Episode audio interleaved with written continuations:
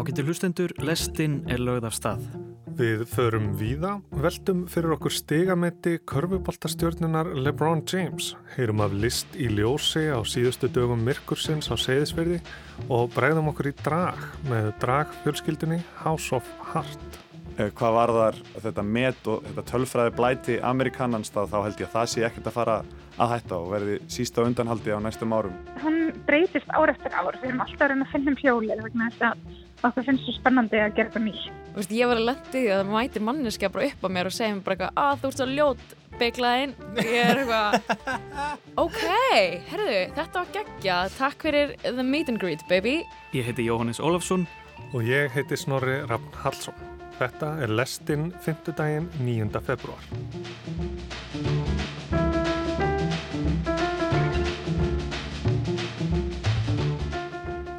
Við ætlum að byrja á körfuboltanum Vestanhafs og höldum aftur í tíman til ársins 1984. It's into Kareem. Kareem swing left, right hand, 12 footer, good!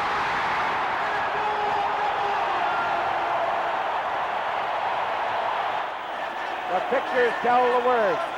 They love their captain. They love their leader. And suffice to say, ladies and gentlemen, the new king of scoring has ascended his throne. His mama, his father. What an emotional moment. And the kind of a shot that I dreamed about for three weeks that he would make, Keith, the hook shot. This man has accomplished something that I don't believe, and I mean this sincerely, I don't think this will ever happen again. Þessu manni hefur tekist að gera eitthvað sem ég trú ekki og ég meina það í alvöru. Ég held að svona lagað gerist aldrei aftur, sagði sjónvarps lýsandin í leik Los Angeles Lakers og Utah Jazz í NBA-deildinni 5. april 1984.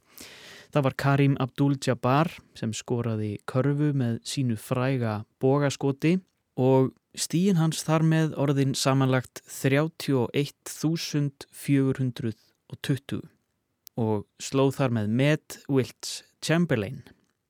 Ég held að svona lagað gerist aldrei aftur, sagði Lísandin árið 1984 og Matt Abdul-Jabbar satt óhaggað í 38 ár eða þar til í gær. 4 seconds separating shot clock and game clock. Westbrook looking for James, he's got it. Coming to the end of the third quarter. LeBron James, a shot at history. LeBron stands alone! The NBA's all-time scoring record now belongs to LeBron James! Já, það er óhætt að segja að það hafi verið eftirvænting þegar að LeBron James og félagar í Los Angeles Lakers stegu inn á heimavöldsinn gegn Oklahoma City Thunder í gerkvöldi. Þó var eftirvæntingin hvað mest vegna þess að líklega myndi LeBron James, langstæsta stjarnadeildarinnar, skrá sig enn á ný í sögubækunar. Þetta augnablik sem við heyrðum hér áðan var í lok þriðja leikluta, tíu sekundur eftir og James stekkur aftur fyrir sig og skorar tveggjastega körfu. Sem skautunum fram úr Karim Abdul-Jabbar James hefur nú skorað 38.390 stig í venilugum deildanleikjum. Leikurinn stoppaði eftir þetta augnablík. Hver einasti sími í húsinu var á lofti, fjölskylda Lebron fórin á völlin í fögnuði, salurinn erðist og fyrrum metafinn stóð upp og klappaði. Það ætlaði í raun allt um kollað keira í höllinni yfir þessu nýja meti. Leikers tapaði reyndar leiknum en það er aukaðatriði. LeBron James átti þetta augnablík. What a moment. What was once thought as an unbreakable record has just been broken by 38-year-old LeBron James. Ljósmyndum hefur verið drift við á samfélagsmiðlum af augnablikinu þegar Lebron stekkur upp í skotið. Fyrir aftan körfuna standa áhöröndur og öndinni og býða þess að verða vitni að einhverju sögulegu, einhverju sögulegu í körfuboltanum. Það sem vakti aðtegli, sérstaklega í samanburði við gamlar ljósmyndir af öðrum sögufrægum augnablikum, til dæmis af Michael Jordan, er að nær hver einasti áhrondi er með snjálfsíman á lofti. Þeir ætla ekki aðeins að verða vittni að sögulegu augnabliki heldur festaða kyrfilega á mynd eða myndband. Leikurinn skipti minna máli, tölurnar skipta máli, tölurnar á skórblaði Lebron James tala 38.390 stig. Mér fannst þetta allt svo litið aðteglisvert og einlega hálf surrealist. Hversu miklu máli skiptir þetta í raun? Og söguleg augnablík á borði þetta, er þetta ekki bara pródúseruð upptrommuð atriði í leikhúsi íþróttana? Ég veit það ekki. Ég þurfti hjálp við að ná utanum þetta allt saman og fekk til mín Hörð Unsteinsson, körubólta þjálfara, til að setja hlutin í samhengi.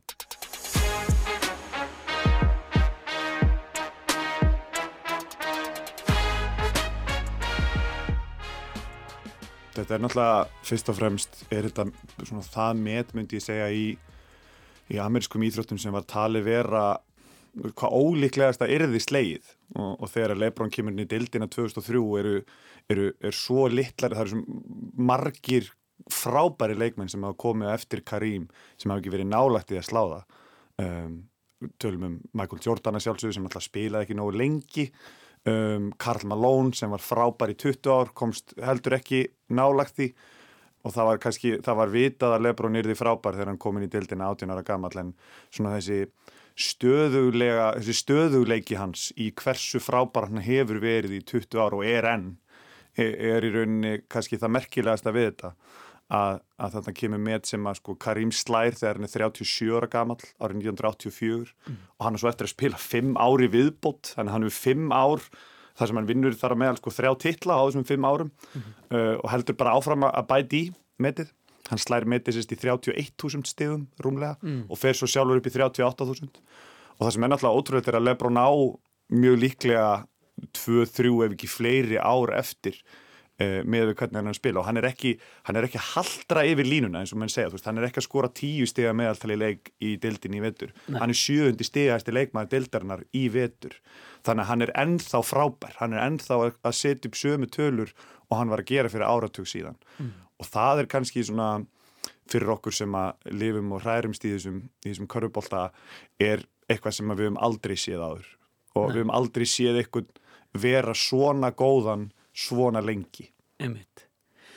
Hann er orðin 38 ára mm -hmm. Hva, hvað er svona leikaldur uh, NBA leikmanna hvað eru þeir að hætta gamlir? Já, ef, veist, ef við um ef við tölum um þessa allra bestu þá var Jordan hættur þegar hann hætti fyrsta ja, annarskipti skulle við segja með Chicago 98 Já. þá var hann 35 ára uh, sko Karl Malone er svona kannski sá sem hefur spilað hvað lengst og verið svona produktífur ennþá og hann var færtur en við hefum aldrei séð leikmann á þessu kaliberi.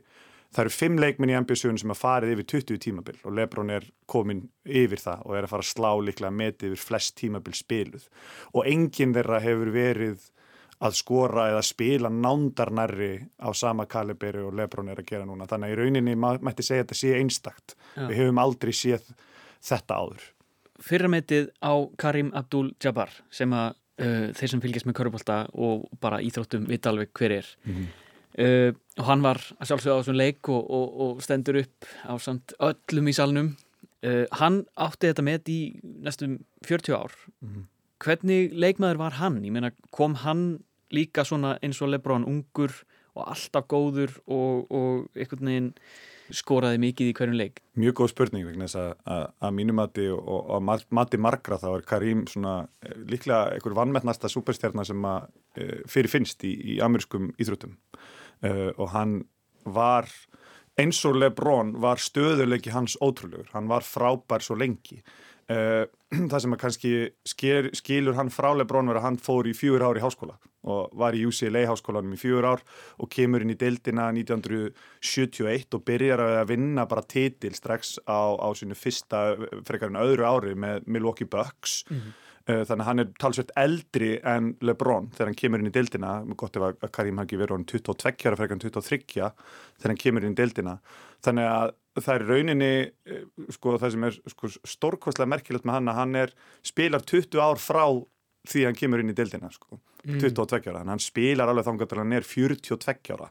Uh, hættir árið 1989 með leikisliðinu og hættir í loka úslitum NBA síðasti leikurinn hans er leikur fjögur í úslitunum í NBA 1989 þar sem þið tapa fyrir Detroit Pistons. Uh, en árin tvö undan því 87-88 er hann NBA-mistari og 1985 er hann ekki bara NBA-mistari, hann er besti leikmaður úslitana, 38 ára gammal Mm. þannig að hann er ef, við- ef við tölum sko bestu leikmenn yfir 35 ára aldri, einhverjum x aldri þá er það hann og Lebron og svo er sko mílur í þá næstu sko. Uh, þannig að hann er uh, virkilega sko vannmetinn súbestjarn og það er gaman líka að Lebron hafi slegið þetta met og tekið af honum. Það setur kannski svolítið aftur uh, hvað að segja, setur kannski aftur aðeins hérna, ljósið á Karim og ferilinn hans og hvað hann var í rauninni magnaði leikmaður hann er sá leikmaður sem átti svona hvað, já, við þekktasta skot í, í deildinni og líklega það, það þekktasta hann, sem hétt sko Skyhook það sem hann svona sveplaði boltanum með, með hægri hendinni langt frá líkamannum Já. ofan í körfuna Svona þetta- hlið. Já, svona hlið og þetta hefur engum tekist að einu svona reyna herm eftir Nei. og sem er svo ótrúlegt einhvern veginn að þú ert með þarna skot sem að maðurinn gerir að bara sínu einkennismerki og það verður engin, engum leikmanni tekist að, að hérna, leika þetta eftir. Í mann eftir í minna æsku þá var leikmaður í borganisessi í Ólstöp sem heit Alexander Ermolinski sem að reyndi þetta nú nokkur sinnum sko. En, en það var nú meira svona bara einu sinni og einu sinni. Og það sem er líka merkjuleg með Karim og skilur hann aðeins frá Lebron er að hann skoraði eina þryggjastæðakörfu á öllum ferlinu sínum meðan að Lebron er komið núni rúmlega 2000 þannig að þetta setur aðeins sko stíin er að aðeins annað samhengi að, Lebron skora 2000 körfur fleiri en, en Karim þar sem hann fær einu stíi fleira Mm. þannig að hérna, það se- segir kannski hversum óðbóðslega margar körfur Karim þurft að skora til Já. að ná þetta 38.000 stigum Einmitt, einmitt. Eh, Það er, það er eitt í þessu sem að, sem að ég fór að hugsa mikið um það er þetta með tölur og, og tölfræði er stundum sagt um, í kringum leikmenn þetta er, þetta verðist skipta alveg ótrúlega miklu máli sérstaklega bara að því við erum að tala um NBA og í raun í fleiri íþróttum en það er einhvern veginn svona meira kapsmál, er það ekki?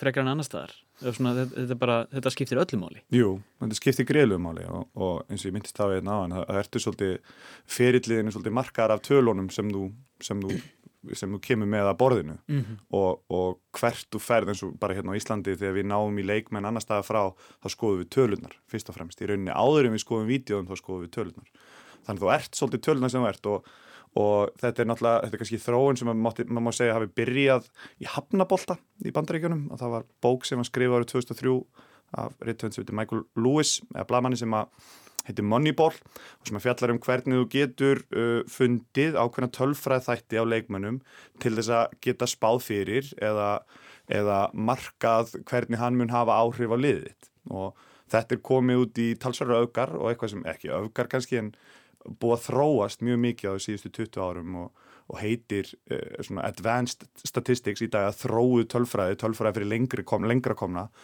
Og, og núna í dag eru komnar sko, enda lausir tölfræði mælikvarðar til þess að ákverða uh, framlag einstakra leikmanna til liðsins.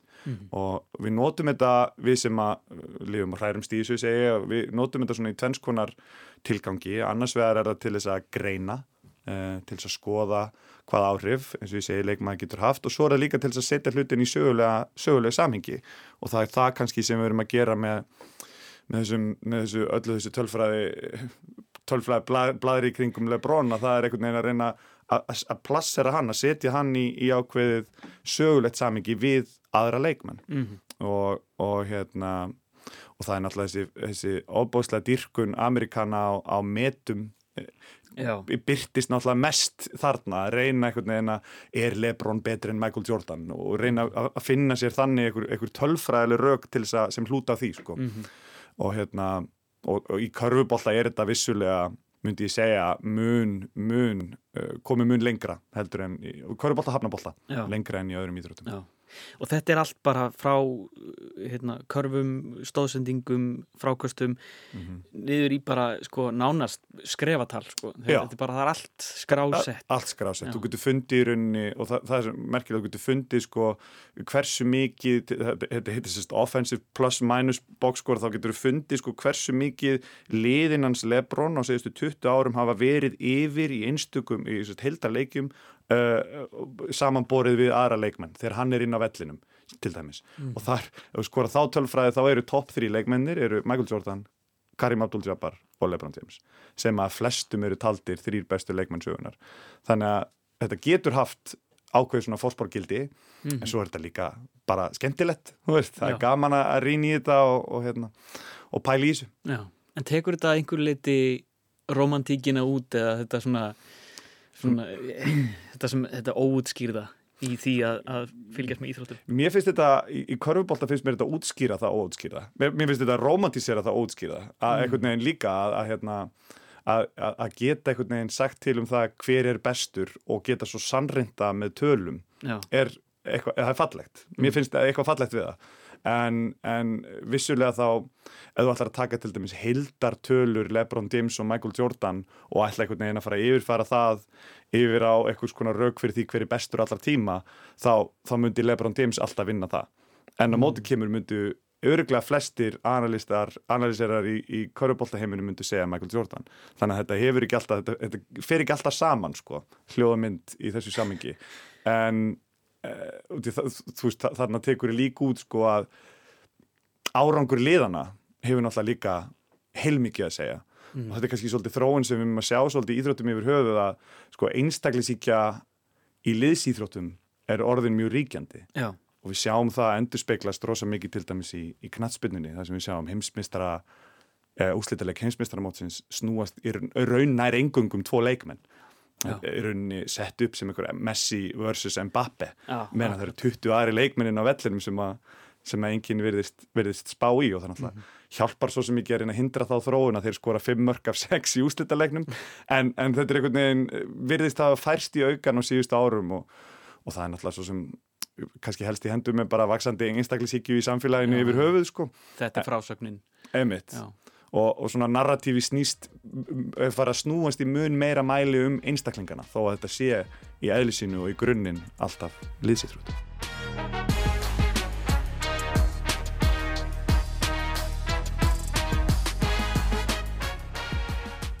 En sko, ef við bakkum aðeins aftur í, í þennan, þennan leik þetta var þannig séð ekki mjög merkilegu leikur út af fyrir sig og uh, leikars með þess að töpuðu leiknum nömlega en sko, þetta augnablík var náttúrulega bara, það voru allir að býða eftir þessu augnablíki, hann myndi skora þessa körfuna sem myndi slá metið.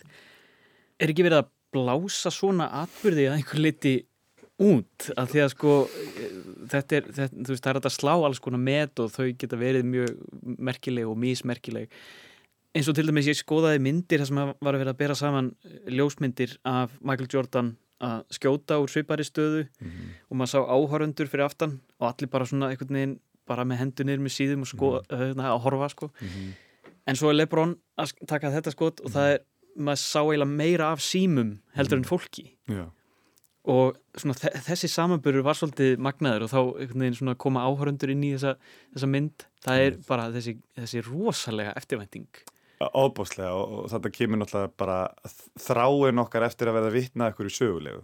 Og þannig eru þeir er þetta fólk að reyna að, hérna, náttúrulega fanga þetta augnablik á myndu. Þetta er mjög einmitt, skemmtileg ljósmynd og það er einn maður sem situr neðst sem heldur ekki á síma. Emmitt, já, Og- og alveg, er, alveg hérna, fremst. alveg fremst, Já. já, og hérna, þekktur, þekktur í, í skóheiminum, í nækheiminum en e, e, bara mjög góður mjög góður, þetta er náttúrulega hálfgjöru farsi og þetta var algjör farsi. Og svo endaði náttúrulega að tapa leiknum. Og það sem að gleymist undir mín svo fyrir þá sem að kannski fylgjast ekki daglega með NBA vita ekki er að, að liðinans Lebron eru búin að vera bara frekar léleg síðustu fjögur ár, hann vann titil í, í búblunni í Flórida árið 2020 og á 2020 Mhm.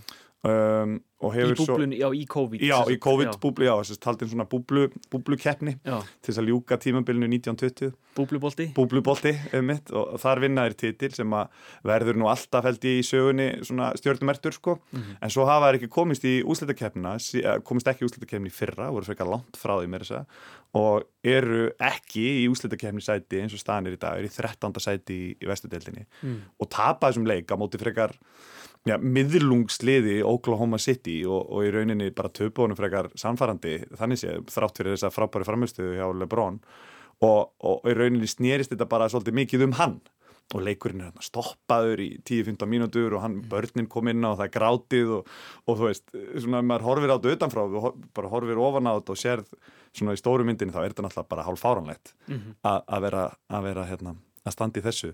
Þannig að, jú, vissulega er svo þessi fascinering amerikanans við metum og, og, mm -hmm. og tölfræði er bara halvastnæli. Ladies and gentlemen, your attention please. At this time, join us in honoring LeBron James.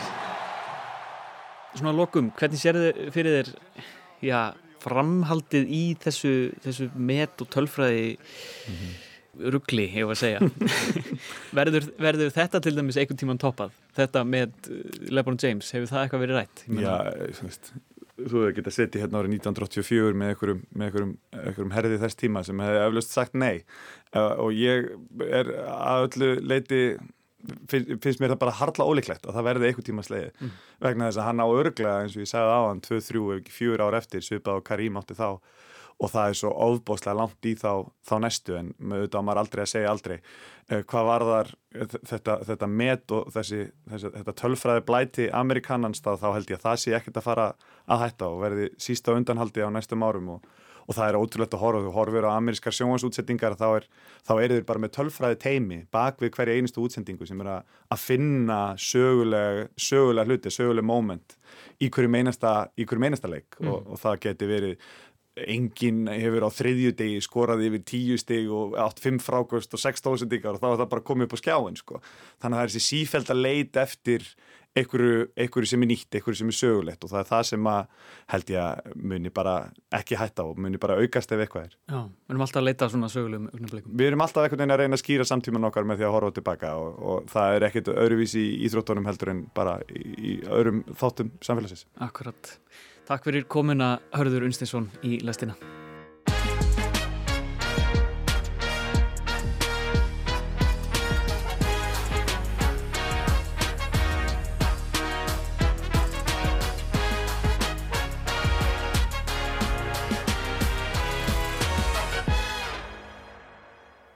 Hörður Unnsteinsson, Köruboltaþjálfari, mætti til okkar í dag og fóraðins yfir augnabliki þegar Köruboltastjarnan Lebron James sló stigamett deildarinnar.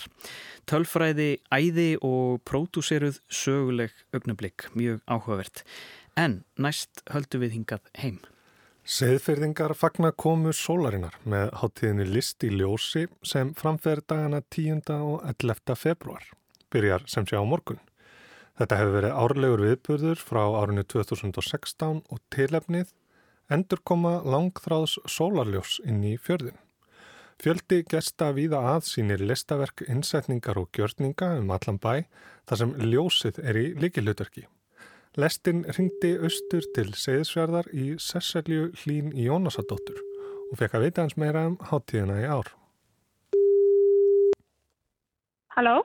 Halló, Sesselja? Hæ, Jóhannes er hérna í lestinni. Já, hæ, hæ, hæ. Hæ, hvernig hitt ég að þig? Bara því.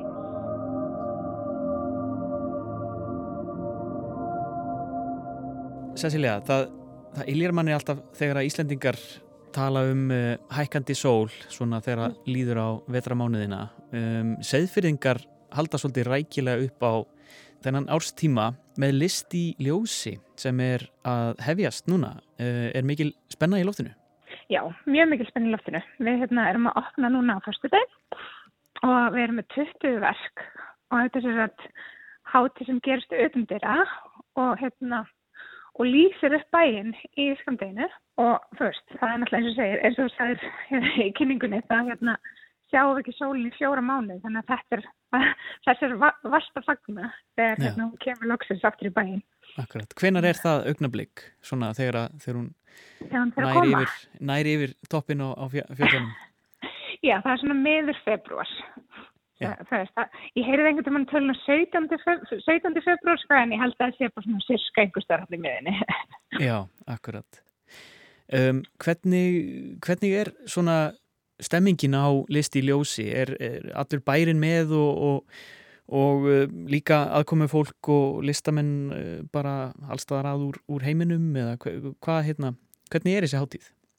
Uh, já, þetta er, þetta er mjög bara, fyrst, þetta er mjög áhugaverð og skemmtileg hátíð og ég held að bæjarbúum fyrir mjög væntum hana og þetta eru, veist, þetta eru uh, innlendur og erlendur, alveg innlendur samt uh, listamenn þegar við svona erum að hvetja íslenski listamenn til þess að til þess að sína, sína listið öðruðs aðstæðir heldur að við erum kannski vanir af því eins og segja þetta gerst allt auðvendira og, hérna, og við lýsum verkið á einhvern einn eða annan máta þannig að þú veist eins og með það eru hljóðverk það eru allir miðlar sem við tökum á móti sko.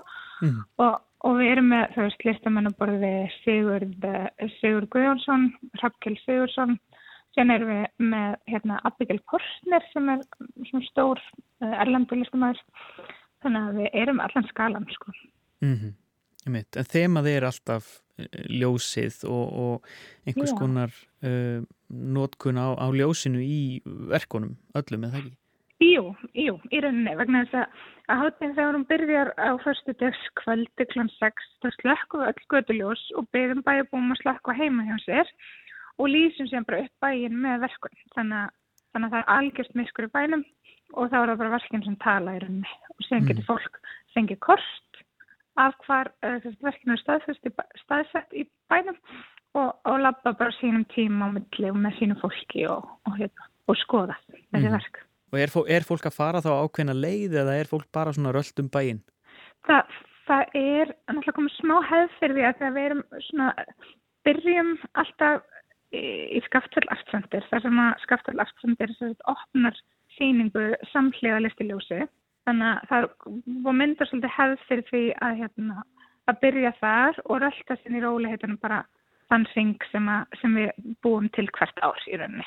Þannig að þetta er, svona, þetta er svona smá ringur bara svona í, í kringum lónið okkar sem að fólk er að, rölda bara á sínum, sínum præða. Og þú nefndir hérna nokkur verk. Hvað, svona, hvað ber hæst og hvað er þú mest spennt fyrir? Ég er svo spennt fyrir öllu verkunum. Ég er bara að þetta verður rosa flott hátíð ár. Þannig að en eins og ég nefndi áður þá er hérna Sigurður Guðarsson, hann verður með, með verfun á kirkina, bláu kirkina og sem verður Abigail Porsner, hún er sko, hún er að varpa á grunnskólan okkar og félagsheimilegið, tvær mjög stóra byggingar og þetta er svona interaktiv verk, þannig að þú veist, hún er að veifa sjálfum sér og það, það tala byggingarna svolítið saman sem er mjög, mjög frálægt að sjá og mjög skemmtilegt. Mm. Og síðan erum við með, veist, hljóðverk, við erum með, við erum með prent, við erum með bara allan skala. Eru, eru listamenn eh, alltaf viðstattir og, og tilbúinir að, að spjallum sín verk eða eru það stoppustöðvar? Já, það er sko listamennir eru bara hérna í kring já, þannig að það er alltaf hægt að grípa það og, og, taka það á spjall mm -hmm. en, hérna, en það er náttúrulega ekki allir á staðinum því við erum með þeirra því að það er náttúrulega bara er, kannski erfiður, erfiður tími árs til þess að mm. skella til þess að segja þess verðar en það er alltaf svona sérska helmingurna hérna, og, hérna, og alltaf til í eins og sér gott spil Já, en að þetta er allt saman úti þið, þið eru vantilega að, að eh, hanga svolítið á veðurspáni. Hvernig er veðurspáin hérna? Herði, við fyrstu dagarinn lítið mjög vel út og leðudagarinn það er svolítið vindsamt þannig að við erum eiginlega að breytist þannig að það getur alltaf breyst en við erum öllu, öllu vön sko. Þannig að við erum alveg, við kunnum að, hérna að leika við veðrið í rauninni. Mm -hmm. og það er líka ástæðan fyrir að við höfum opið í tvo daga er ef eitthvað skildi gerast annan daginn þá alltaf hana það er fólk að njóta annarkvæmt daginn. Já. Mm. um, Listi Ljósi hefur verið um, í þó nokkur ár uh, alveg frá árunni 2016 Já, uh, Hvað hefur eitthvað mikið breyst á þessum tíma? Hefur háttíðin þróast mikið, stækkað? Uh, já, hún hefur, hún breytist ár eftir ár. Við erum alltaf reyna að finna um hjólið vegna þess að okkur finnst svo spennandi að gera það nýtt. Þannig að við höfum, þú veist, í samhlega við listi ljósi höfum við klíta með uh, stopna kvíkumundahátið sem heitir Flat Earth Film Festival sem að, uh, var nokkur ár, er endur ekki ár hjá okkur við hefum verið með uh, pallbólsumræður, við hefum verið með alls konar í samhlega, samhlega hátíðinni þannig að hún er alltaf, þú veist, það er aldrei aldrei búast við í sama ár eftir ár. Og til dæmis núna í ár þá ætlum við að lýsa upp hérna, eh, fjörðarselsvirkjun sem er hérna elgumulvirkjun sem að Rarik á og er að vera 110 ára í, í, hérna, í ár. Þannig að við ætlum að lýsa dalinn í kringum hana og opnum það verk í kvöld og erum svona bara að fagna okkur samstarfi við af því að þeir eru búin að stiðja okkur sem við byrjum og það er til dæmis að fara að opna núna í kvöld á degi kl. 8 þannig að það er svona samtliða hátíðinni í ár Já. til dæmis. Glæsilegt, list í ljósi að byrja á seyðisfyrði. Bestu kveðjur Cecilia austur á, á Já. fyrði og gangi ykkur sem allra best. Já, takk hella fyrir það.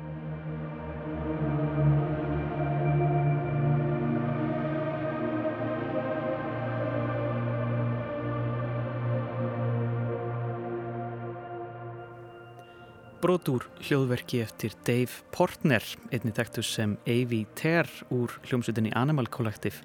Þetta er hluti af innsetningu Abigail Portner, Everyone's Perfect in an Empty Room, allir eru hamingjusamir í tómu herbergi, sem sínd verður á list í ljósi á Seyðisfyrði sem hefst á morgun. En þá ætlum við að huga að allt öðru. Já, drag sem listform verður sífælt meira áberandi í dægur menningunni, ekki síst fyrir tilstilli raunveruleika keppnisþáttana RuPaul's Drag Race. Drag á uppruna sinn í hinsegin samfélaginu og klúpa menningu gengur að stórum hluta út á að leika með kyn, kyn gerfi, kynja, ímyndir og hlutverk, valda usla á heillandi, skemmtilegan og stundum jafnvel stuðandi hátt. 15. þáttaröð Drag Race stendur nú yfir, vinsældirnar fara síður en svo dvínandi. En það er munur á því sem áhörvendum byrtist á skjánum og því sem framfeður á dragsýningum um allan heim. Íslenska dragfjölskyldan House of Heart heldur til að mynda mánaðarlega síningu á skemmtistænum Kiki og svo næsta fer fram núna á lögadaginn. Og ég tók stöðuna á þeim Glóegu Þóru Eyjólfsdóttir eða Chardonnay Bublé og Magnúsi Degi Gottskálk sinni, Ullu La Delish.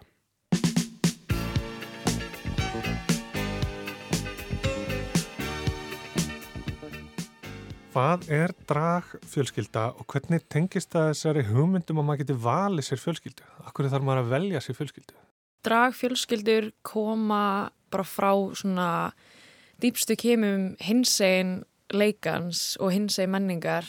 Dragfjölskyldur byrja í raun og veru í eða, eða eiga svona uh, rætur sína að rekja til uh, ballroom menningarinnar í sagt, New York sem að var basically uh, það var basically staður þar sem að fólk sem var uh, svart, brúnt uh, og hinsegin trans uh, og bara einhvern veginn minni hluta hópar á einhvern hátt komið saman og fengi að vera örug og þarna gerði alls konar listir eins og drag, vóking, alls konar dansstíla sem við sjáum í dag. Og þetta er fólk sem var ekki endilega velkomið að sínum eigin fjölskyldum, þar að segja líffræðilegum fjölskyldum og þurftu þar leðandi að finna sér nýjan stað til að vera á. Og þarna byrjuðu fjölskyldur eða hús eins og þeir oft köllu líka. Og þannig að okkar fjölskylda kemur er einu svona virðingarmerki við það að það, þú veist, við komum þaðan, okkar menning, dragmenning kemur þaðan.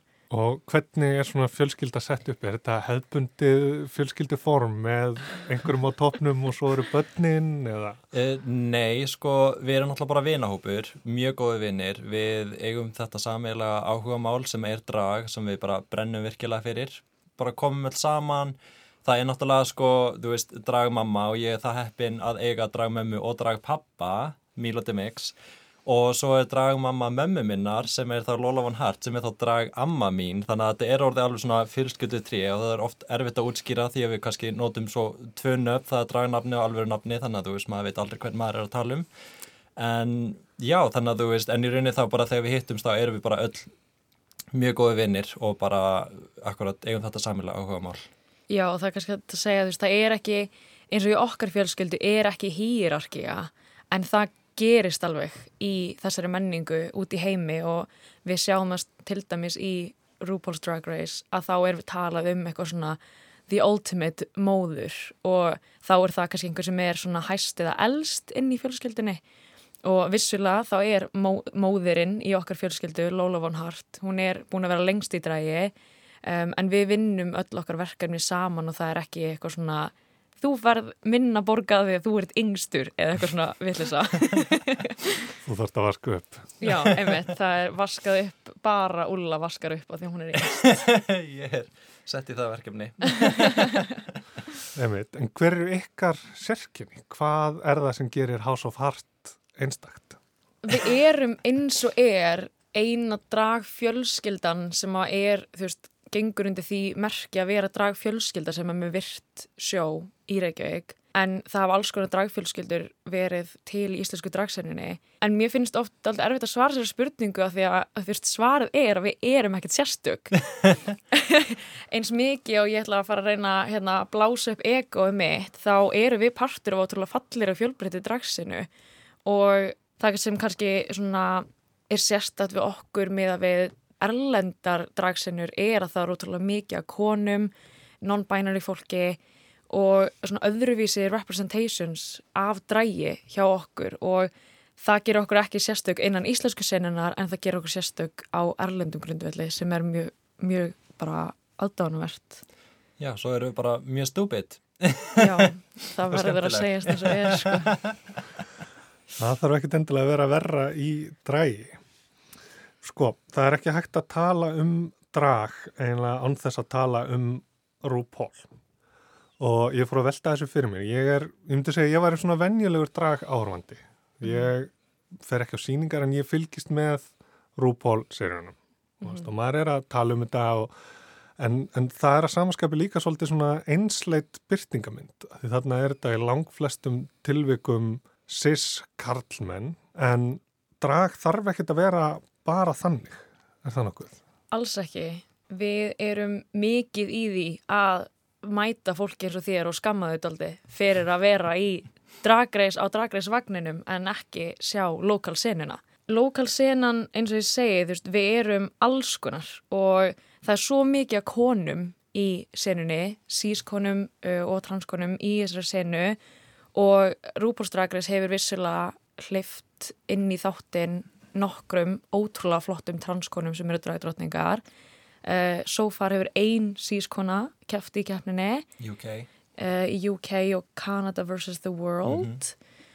og það er bara ekki góð speiklun á raunveruleikan af því að þeir sem að störtu þessari ótrúlega flottilist eru transkonur og með þeim voru alls konar byrtingum myndir kynjana þannig að þessi svona aðalega kvítu sís karlmenn uh, sigurverðar og rúbúrstrækleis eru ekki gott já, góð speiklun og raunverulegan. Nei, svo er það líka bara allt önnur upplifin að mæta á live dragsjó heldur en að horfa á þetta bara í sjóarpunni því að þetta er mjög skemmtilegt að horfa á þetta, þú veist þetta er entertainment og visual og allt þetta en upplifinin að mæta á dragsjó, ég hef sagt það áður og ég segi það aftur, uh, ef allt gengur vel þá er þetta ekki dragsjó. Það er alltaf eitthvað sem fyrir úrskeiðis, við erum hlaupandi um, við erum að retta hlutum og þú veist það, þú veist, maður dettur upp á sviði þú veist, það dettur hárkvall af reyndar ekki á hard attack. Nei, en það er bara upplifnin við það að mæta og drag sjó og vera á staðunum í mómentinu, þú veist það, það er bara allt annur, önnur upplifin Algjörlega.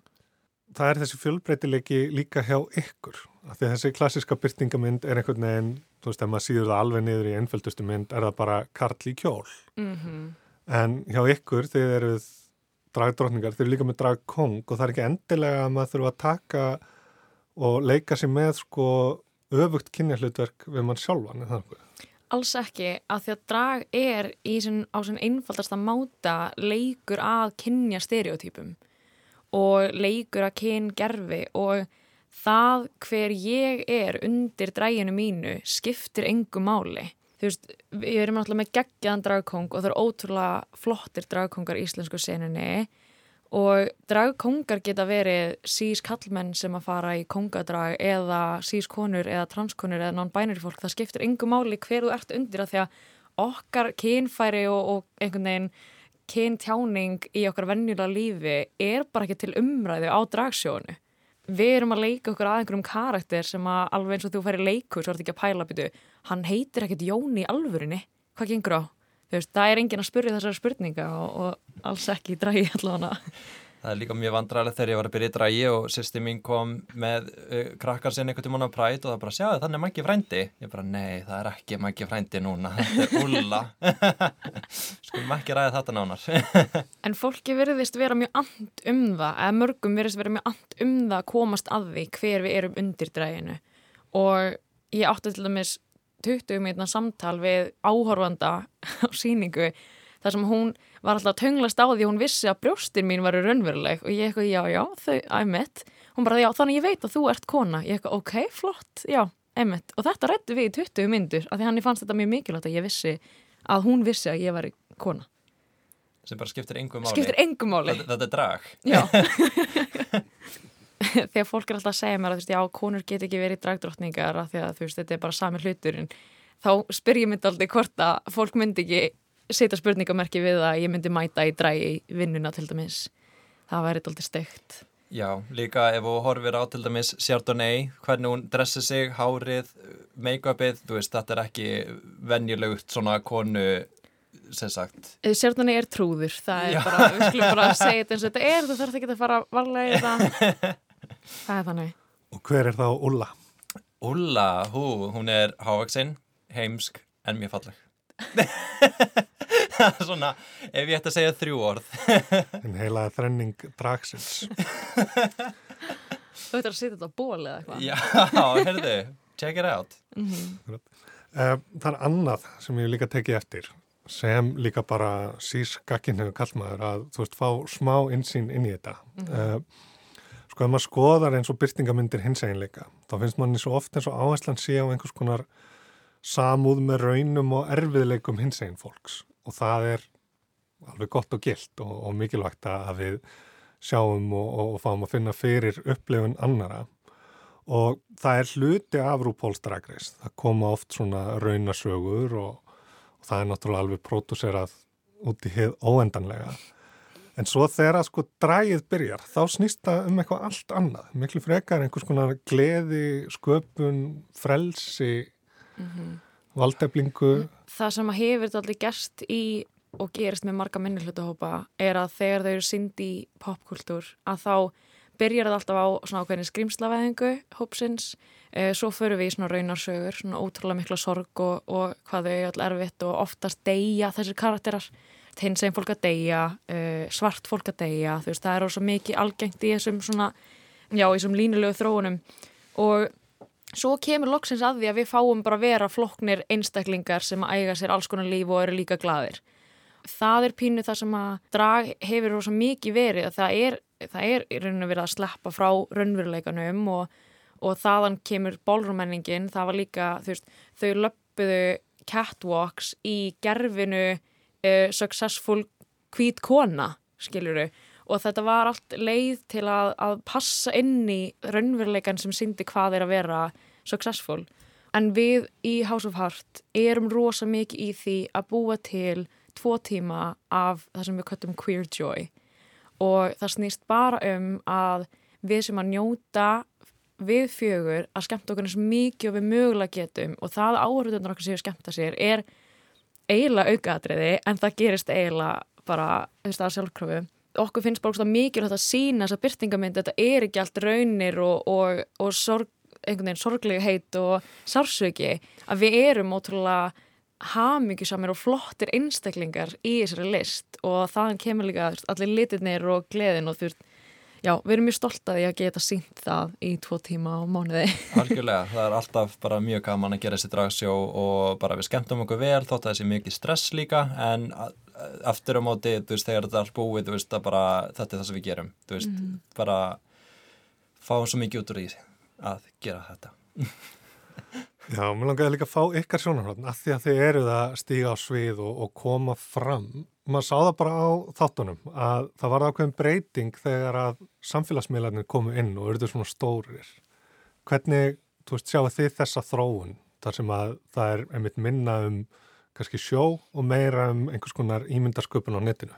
Mér persónulega þætti það mjög leðilegt því að eins og ég sagði, veist, það er ákveðin upplifun að mæta á alvöru sjó, þetta er live, veist, og það er líka fættist þetta, veist, það voru dragsjó og fólk mætti.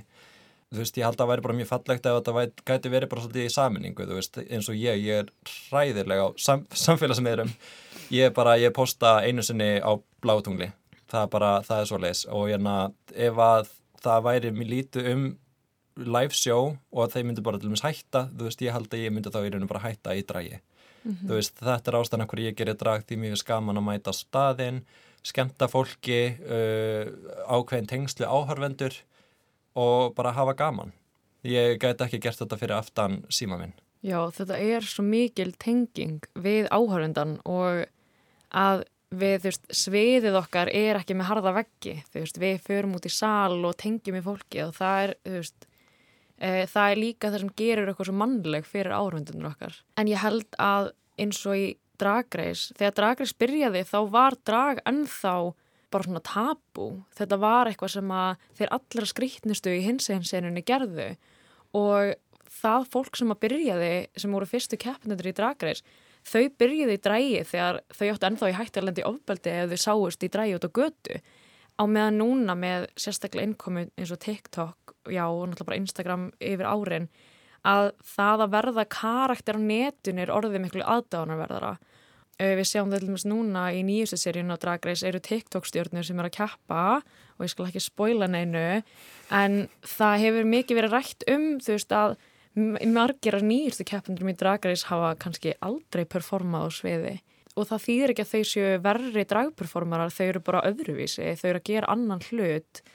Ég held að við þurfum að sætta eitthvað við það að þetta er það sem er drag í dag og það verður alltaf einhver blanda af þessu tvennu en ég held að akkurat ég er sammál Ullu að liveshowin eru það sem er hjartað í þessu og það sem er skemmtilegast bæði fyrir okkur og árvöndunar að þeir byrja að mæta. Það, það er náttúrulega alltaf líka svona ákveðin miðja og við getum sagt að bara fyrir ekki svo lengur síðan hafi drægið verið algjörlega á jæðrinum og eins og þú lýsir, mér er svo á jæðrinum inn í hins einn samfélaginu sem er á jæðrinum mm -hmm. og nú er þetta einhvern veginn allt komið á hreyfingu og það er ákveðin tegund af drægi og ákveðin byrtingamind, ákveðin form, þessi keppni sem að er komin í meðjuna. Finnst ykkur livesennan hafa þá vaksið í kjölfarið, er hún ennþá í jæðrinum, hvar stendur þetta?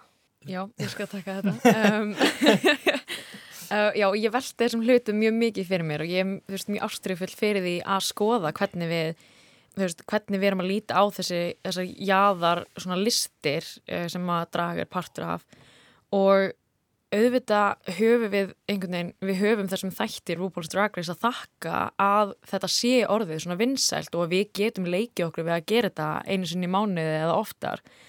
Veist, og það er vissulega búið að áhrif á dragsenur alls þar í heiminum, veist, við erum að fá dragreis Sweden núna, það er bara að koma út eftir smá, veist, þannig að við erum að sjá dragsenur og, og listafólku virkjað út um allt sem er æðislegt og bara sínilegja á hinsegin fólki því að það er það sem að þátturinn heldur áfram sem betur fyrir að gera vel það eru virkilega að sína sögur fólks þótt að sé mjög pródúserað og það er alveg klift þannig að þú fer definitíli að gráta sem er bara frábært.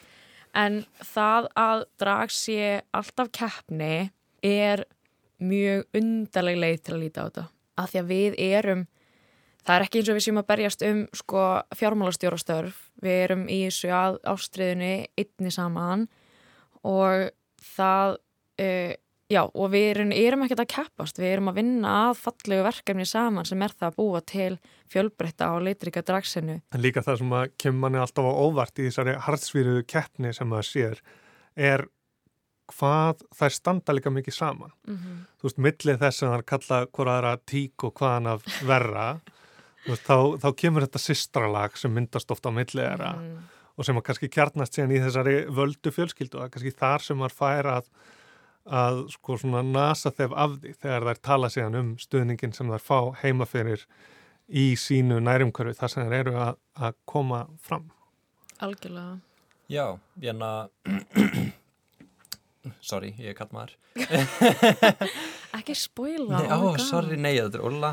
Nei, en að uh, í sambandi með akkurat shade og allt þetta út af því að þetta er náttúrulega umræða sem að kannski sem við aðra ætti að vera að taka en ég með sterkar skoðanir á þessu. Já, ég ætla bara að byrja og segja hérna, þú veist, út af því að það mér finnst alveg munur, þú veist, hérna það sem við erum sjá í sjórfinu með þetta shade og shade er þá gott dæmi um shade er í rauninni að setja út á eitthvað við þig ef að ég myndist til að segja, ó, þú ert með glerugu og hérna myndi gera eitthvað komment um að þú verður með glerugu eða eitthvað til þess að fá fólk til að hlæja. En aftur á móti þá er fín lína á milli að vera shady og að vera bara dónalegur. Mm -hmm. og það er ekki fallegt að vera dónalegur. En á sama tíma út af því að þetta er það sem við erum að sjá rosalega mikið í sjóarpinu, það er, þú veist, we're reading queens, þú veist, að lesa hérna manneskjuna to filth, þú veist, ég er núna, þetta er draglingo eða springa upp á mér akkur núna. Það er ekki til á íslensku. Nei, við að þurfum að þurfum að fara að búa til íslenska dragorðabók, Algjörlega. ég held það. Mhm.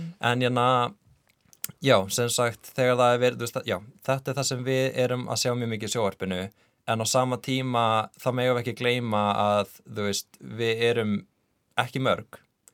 Og samband okkar er rosa stert og þetta snýst allt um bara umhyggju og ást. Út af því að þú veist, maður má ekki missa sig í þessu séti og það sem er náttúrulega leiðilegt er líka, þú veist, ef að það veist, þetta er kynnt sem normið að það sé að koma til dæmis aðdávendur á sjóið og þau halda þetta sé bara málið að þau byrja bara kasta kannski fullt, á dóti á þig og það er bara þú veist, þú hefur alveg bara getað sagt að ég verið falleg eða þú veist, þótti ég vita það en hérna, já, þannig að þú veist eins og ég sagði, þú veist, það er bara fín lína þarna á milli og maður má ekki gleyma ástinni Það er alltaf þessar litlu keppnir inn í dragreis sem að snúast um að lesa hinnar drottningarnar og það snýst þá um að setja út á einhvern hátt e, á fyndinmáta. Er mjög mikilvægt að vera á fyndin.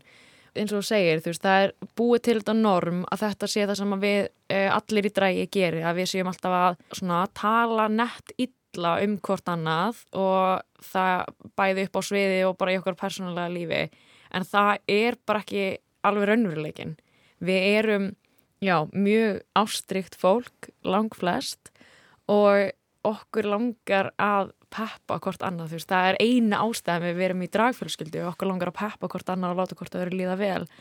Og það er nefnilega sérstaklega slæmt þegar áhörfandi mætir á sjó og er búin að búa svo undir það að núna má sko lesa og skugga á hérna alla dragperformerana. Þú veist, ég var að lendi því að það mætir manneskja bara upp á mér og segja mér bara að þú ert svo ljót beiklaðinn ég er eitthvað ok, herðu, þetta var geggja takk fyrir the meet and greet baby og þetta er bara þetta fyrstulega ekki fyndið, work on your read og öðrulegi það að við séum líka að lesa hvort annað sem nánir vinir og fjölskylda þýðir ekki að það er opið skotleifi frá áhrifundum okkur Einmitt. Það er síning á lögadaginn á Kiki. Síningin heitir Heart Attack. Má maður búast við því að fá hjartáfall eða hvað? Já, við tryggjum hjartafall fyrir alla áhörfundur. Það bara verður alveg á hreinu og það fá allir hjartafall og ef ekki þá bara fá endur greitt. Já, stuðtæki á svæðinu Já. Nei, við reynum að gera þetta eins og ég segi, bara ótrúlega skemmtilegt, þetta á að snúast um að njóta, hafa gaman, við erum rosa lítið í að vera vond við okkur uh, innan hópsins og árundur. Já, það maður búast við bara miklu stuði.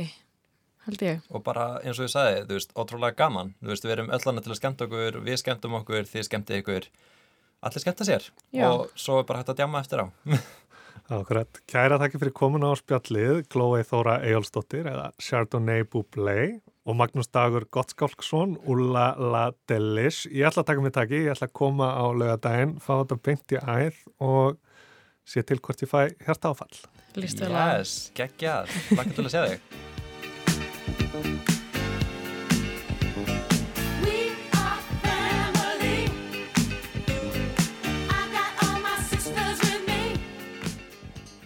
Sister Sledge, We Are Family.